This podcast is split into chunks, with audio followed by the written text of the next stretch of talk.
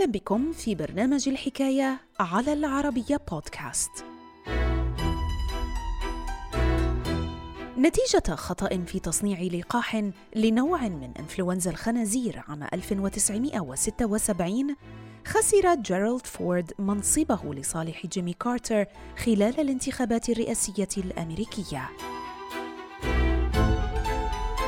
تفاصيل الحكاية في مقال للكاتب طه عبد الناصر رمضان بعنوان هكذا طاردت أمريكا وهما وأنتجت له لقاحا.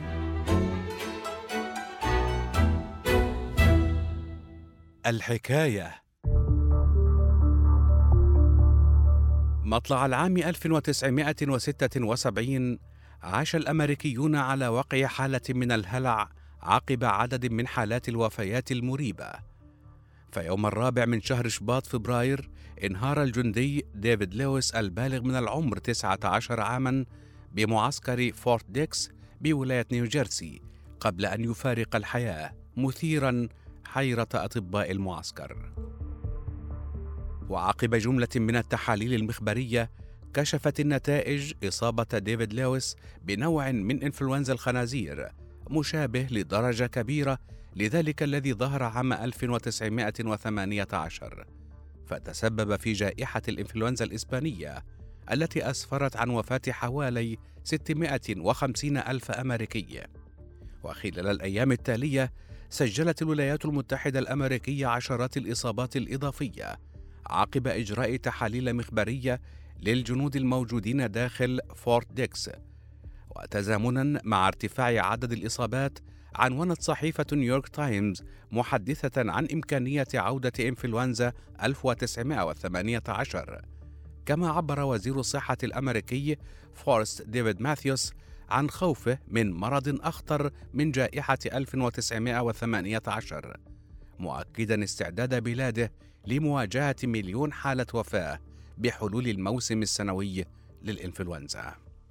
املا في التصدي لجائحة محتملة وتجنب سقوط عدد هائل من الضحايا طالب مدير مركز التحكم في الأمراض والوقاية منها ديفيد سينسر بوضع خطة لحملة تلقيح وطنيه ومع عرض برنامج تلقيح وطني قيل إنه سيكلف البلاد نحو 135 مليون دولار وسيجنبها خسائر بالمليارات وافق الرئيس الأمريكي جيرالد فورد على توفير اللقاح للأمريكيين حيث لم يكن للأخير أي خيار آخر خاصة مع ترشحه عن الحزب الجمهوري لولاية ثانية بالانتخابات الرئاسية لعام 1976 ففي حال رفضه لمقترح التلقيح حذر أغلب الخبراء حينها من إمكانية انهيار شعبيته قبيل أشهر من الانتخابات.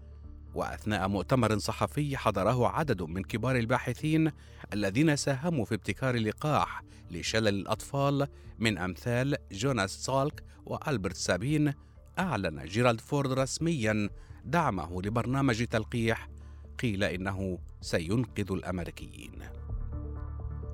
بالكونغرس لقي برنامج التلقيح الوطني دعما من الحزب الجمهوري والديمقراطي حيث تحدث الجميع حينها عن إمكانية اقتناء 200 مليون جرعة لتوزيعها بشكل مجاني على بقية الولايات ضمن أكبر حملة تلقيح بتاريخ البلاد. إلى ذلك ظهرت المصاعب منذ البداية، حيث أخطأت إحدى المؤسسات المختصة في الصناعات الصيدلية والبيولوجية فأنتجت أكثر من مليوني جرعة للقاح اعتمادا على سلالة خاطئة من الفيروس. وأثناء فترة اختبار اللقاح رفضت مؤسسات التأمين تقديم أي تعويضات لشركات الأدوية في حال ظهور أعراض جانبية على كل من تلقى جرعة منه.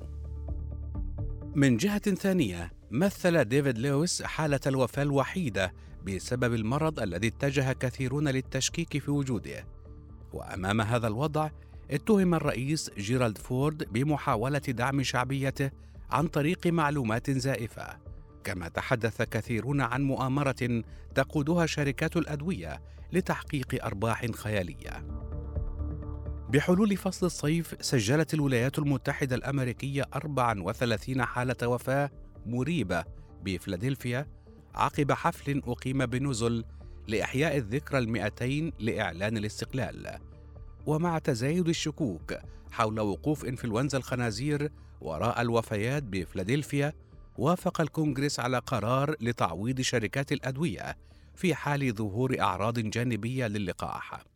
وقد أدى ذلك لتسريع عملية إنتاج جرعات اللقاح الذي تلقى 45 مليون أمريكي جرعة منها وقد التقطت عدسات الكاميرا خلال تلك الفترة صورا للرئيس الأمريكي جيرالد فورد أثناء تلقيه جرعة من اللقاح حيث سعى الأخير حينها لزيادة ثقة الأمريكيين به عقب تعطيل عدد من الولايات لبرنامج التلقيح بسبب تسجيل بعض حالات الوفيات المريبة. خلال الأشهر التالية تراجعت ثقة الأمريكيين في اللقاح عقب تسجيل عدد من الأعراض الجانبية على العديد ممن حقنوا به. بالتزامن مع ذلك لم تسجل البلاد أي جائحة لتنهار بذلك التوقعات السابقة التي قدمها المسؤولون بوزارة الصحة.